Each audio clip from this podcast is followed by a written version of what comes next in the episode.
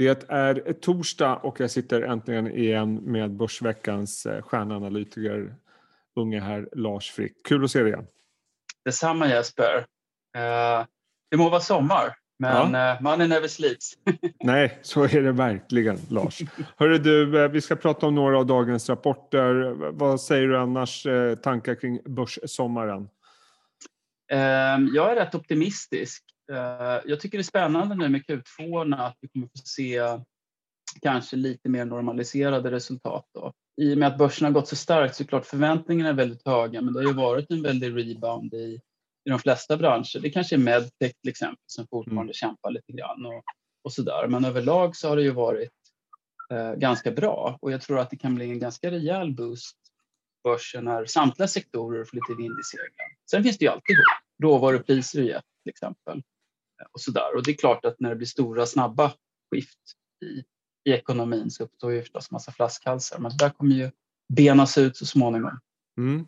Du, eh, ska vi slänga oss in i, i, eh, några av dagens rapporter? Jag tänkte vi tar det i bokstavsordning. Vi börjar med superstabila Axfood brukar man alltid säga. De kommer mm. lite lättare topline, lite lägre resultat än väntat. Eh, aktien ner lite grann. Tankar kring den? Mm.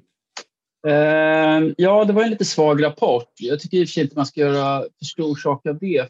Axfood har ju fortfarande en del problem med, med covid. Givetvis så påverkar det ju kundtillströmning, kunderna vill komma tillbaka, men så finns det några inslag, till exempel gränshandeln mot Norge som Axfood exponerade i, som fullkomligt har imploderat. Så att det är klart att det tynger. Um, sen har det tydligen varit väldigt låg prisinflation inom dagligvaruhandeln. Så Ehm, det är någonting som vi sett bredare förstås. Inflation har vi pratat om att den varit obefintlig men det funnits farhågor om att det ska ta fart. Det verkar uppenbarligen inte vara matvaror där det händer. Så det finns en del, tycker jag, trovärdiga förklaringar till varför det är motigt. Men samtidigt så expanderar de ju sitt butiksnät, eh, växer snabbt online. Ehm, så det, det är ändå, jag tycker att det är ett rätt okej resultat i problemen. Då. Ja, Min det... hang-up med Axfood är ju inte operationellt utan det är ju värdering. Jag tänkte komma till det, för aktien har ju gått bra i år. Jag tror den är upp en 20-25 procent mm. och sånt där. Eh, och värderingen ligger väl på, vad kan det vara, P 25, 25 och sånt där. Nästa år. Och, men, men den ligger ju alltid där. Eh, och, och överlag så vet man ju ungefär vad man får av det här bolaget eh, över tiden. Det är sant. Ja. Um, så det är lite grann av en obligation kanske. Det, det, det känns lite som telekomoperatörer, det är inte ett mm. tillväxtcase här utan det handlar på något vis om att förvalta sina kassaflöden så man kan få en fin direktavkastning. Sen kanske att det är lite dyrare. För några år sedan var det väl runt P20 kanske då istället för 25. Ja. Men samtidigt har vi sett en sån gigantisk multipelexpansion på hela börsen så att 25 med det perspektivet framstår inte som så utmanande. Mm. Samtidigt tycker jag också att P 25 för en direktavkastningsaktie, alltså det är lite mastigt. Jag skulle hellre köpa en telekomoperatör. Ja. Liksom halva värderingen och samma direktavkastning.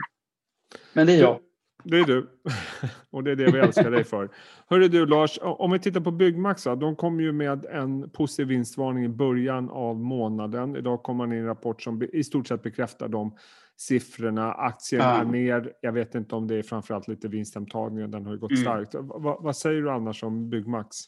Ja, jättefin rapport. Jag kan tänka mig att en del av, av nedgången nu är som du säger lite mm. vinstintagningar för att man kan spekulera i huruvida de här fina siffrorna vi ser nu är en covid-effekt och att det kommer klinga av och bli någon mer eh, återgång till tidigare tillväxttal och så vidare. Och det är en relevant um, invändning.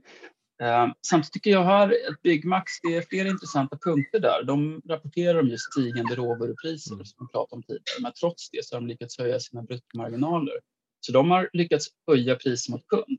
Delvis en mixeffekt, men de menar också att de har fått igenom eh, prishöjningar och det är rätt spännande i, i ett lågprissegment att man faktiskt har lite pricing power där. Mm. Samtidigt menar, så, ja. försökt, jämförelsetalen, ja. om du tittar på jämförelsetalen Q2 ja. mot Q2 förra året, det var svåra siffror att slå. Ja, men ändå verkligen. levererar man så uppenbarligen är marknaden ja. fortfarande busstark. Ja, jag ty tycker det är ett fantastiskt resultat. Och, det är, eh, och inte bara prishöjningarna, de, mm. stig, de ökar kraftigt online som står för ungefär en fjärdedel av försäljningen, eh, växer med 35 procent. Jag tror att det finns kanske en stickiness här att när kunder väl har upptäckt Byggmax och börjat gå dit. Jag vet ju själv hur jag är. Jag går till, ja, nu heter det Fredells då, men det är för att det ligger nära liksom, där jag bor. Eh, och då blir det lite grann att jag går dit. Eh, jag kan tänka mig att kundbeteende är lite så att man har en butik som man, man vet var skruvar och muttrar finns. Och så där. Men när man väl har kommit till en annan butik och börjat lära sig det sortimentet och in den rutinen, då ökar ju sannolikheten att man stannar kvar som kund. Så att jag tror att den fina liksom, kundbas man har byggt upp nu under covid kommer ju säkert löna sig även i framtiden. Och, och jag tänker att eh, efterfrågan på hus och villor har ju fortsatt att vara busstark så det känns ja. som att efterfrågan på den här typen av produkter borde vara stark åtminstone något år eller flera framöver. Det tror jag också. Plus att som bolaget säger, som jag tycker låter trovärdigt, de menar att det sker en förskjutning mot lågpris i och med att det har varit prishöjningar i, i, i branschen. Då kanske incitamentet ökar ännu lite grann för att hur man än vrider och vänder på det så det är mm. ofta ganska stora pengar om man ska renovera eller bygga en altan. Så det är klart, 5-10 procent billigare eller vad det nu kan bli blir ju ändå en slant i fickan. Så det tror jag också att kunderna har upptäckt Byggmax, eller fler kunder har upptäckt Byggmax eh, och att det finns en drift mot, mot lågpris som gynnar de här. Så jag tycker det är ett kalasresultat. Mm. Det är P16. Eh, historiskt har inte aktien varit särskilt högt värderad. Man har väl sett det som kanske mm. lite svajigt. Men jag tycker de här siffrorna gör att man kan motivera faktiskt en högre värdering på, på bolaget. Ja. Eh, jag tänkte att vi avslutar med ett par sektorrotationsvinnare så fick vi med det begreppet även i den här sändningen. Eh, Collector har ju haft ett bra år, gynnats ja. misstänker av sektorrotationer. Kommer in med vad det ser ut att vara en jättestark rapport och aktien mm. också upp ja. rejält. Eh, tankar kring det? ja, det är intressant. Jag tycker att bank verkar generellt ha haft en, mm. en rätt fin återhämtning. Det ser vi även i SE-bankens rapport. Ehm, som var kalasbra. Eh, nischbanken Avanza, vår ägare, gjorde ett bra resultat. Aktien föll förvisso, men det är också rejält uppskruvade förväntningar. Så att det är väl en, en, en nisch som är, um, gynnas nu och en rätt intressant profil. Sen kan jag tycka att nischbankerna då med eh, profil mot mindre lån, kortare mm. återbetalningstider, högre räntor och så där finns ju alltid ett riskmoment. Jag är lite orolig för kreditkvalitet. Eh, det finns ju också lite röster regulatoriskt därför att till exempel eh, varnas det ju för från myndighetshåll att den extremt höga tillväxten inom smålån är ett stort riskmoment. Eh, det lyfts ju fram både av Riksbanken och Finansinspektionen som att det är något som man verkligen måste hålla ögonen på. Så det vore ju kanske inte helt oväntat om, precis som man ser i storbanker, att man gradvis höjer kraven där är alltifrån compliance till primär kapitalrelation. Att det kommer starkt, mer stringenta krav även för, för nischbankerna. För det här tror jag är någonting som, som faktiskt är en risk i samhället. Att när smålån växer så explosionsartat så kan det bli en backlash. Men med det sagt, bra resultat. Men det låter inte som du är superhåsad till eh, Nej, just den sektorn? Inte riktigt min kopp te. Då tycker jag hellre storbankerna är och, och apropå storbankerna, SEB kommer ju med en kanonrapport. Eh, jag tror det är bättre på i stort sett alla rader. Eh, ja. Uh, inte minst räntonettot var ju busstarkt. Uh, ja. Vad säger du om den rapporten? Uh, jättebra rapport. Uh, räntenettot som du nämner var bättre än förväntat. Provisionsnettot mm. väsentligt mm. bättre än förväntat.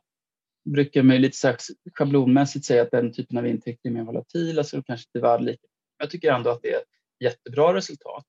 Jag såg en rapport från Nasdaq Europe här då, som är typ Eh, att det var ett totalt rekord i antal mm. noteringar, listbyten och så vidare. Så det är jättemycket ma aktivitet Vi har sett en jättestark börs. Så det är kanske inte så konstigt att det intäktslaget går urstarkt just nu. Och SE-banken har ju en stark position inom ja, framförallt M&A. Så eh, det där kan nog bestå. Vad, säger du om eh, något annat som jag reagerade på? Det var ju kreditförlusterna som var relativt ja. sett låga. 7 miljoner kronor. Ja, eh, verkligen. Och nu börjar det ju spekuleras om utdelningar och extrautdelningar ja. och så vidare. Jag vet att SEB själva sa väl att de tror det kommer bli ske som en gradvis lättnad Just av det här. Det. Men vad tänker du kring det? det? det? kan ju inte vara långt borta. Nej, om det 13 september är väl en, eh, det datum som mm. Finansinspektionen har satt för att man ska se över det här. Då. Och jag tror att eh, de regulatoriska kraven på SCB till exempel är kärnprimär kapitalrelation på 12,5 procent om jag inte missminner mig. Ja. Uh, och så vill man ha en buffert uh, på 1 till 3 procent och så tror man att den här regulatoriska kravet kommer höjas med mellan 1 och 1,5 procent. Så säg 14 procent plus 3 procent. Och då är man 17 och då har man verkligen tagit i. Mm. Och det, idag ligger man på strax över 21 procent. Så att det finns ju verkligen utrymme att dela ut. Så banken är ju överkapitaliserad. Det tror jag gäller bank, storbankerna generellt. Så att här kanske man kan se fram emot lite utdelningsfest. Så fick vi in en ny klyscha. En Ja, till. Eh, från bankerna 2022. Ja, det, det, kreditförlusterna, det är ju fascinerande att det um, gjordes ju jätteavsättningar i början av, av pandemin. Mm. Då visste vi förstås inte hur det skulle se ut men det kändes ju som att vi var på väg rakt ner i ett svart hål. Och uppenbarligen har ju alla stimulansåtgärder hjälpt. Mm. Eh, Ja. Företagen har klarat sig. Så att 7 miljoner kronor mot förväntade 400, alltså det, det är så Det är lite. så- De sänker ju dessutom helårsprognosen för kreditförluster. Ja, det blir intressant att se övriga rapporter som kommer in här i Ja, det blir superspännande. Handelsbanken och Swedbank tror jag kommer in i morgon om inte jag är helt ute och cyklar. Eh, Lars Frick, väldigt kul att träffa dig och dina papegojor. Eh, Ja. ha en fortsatt skön sommar så hörs vi. Detsamma. Ha det bra. Hej! Hej då!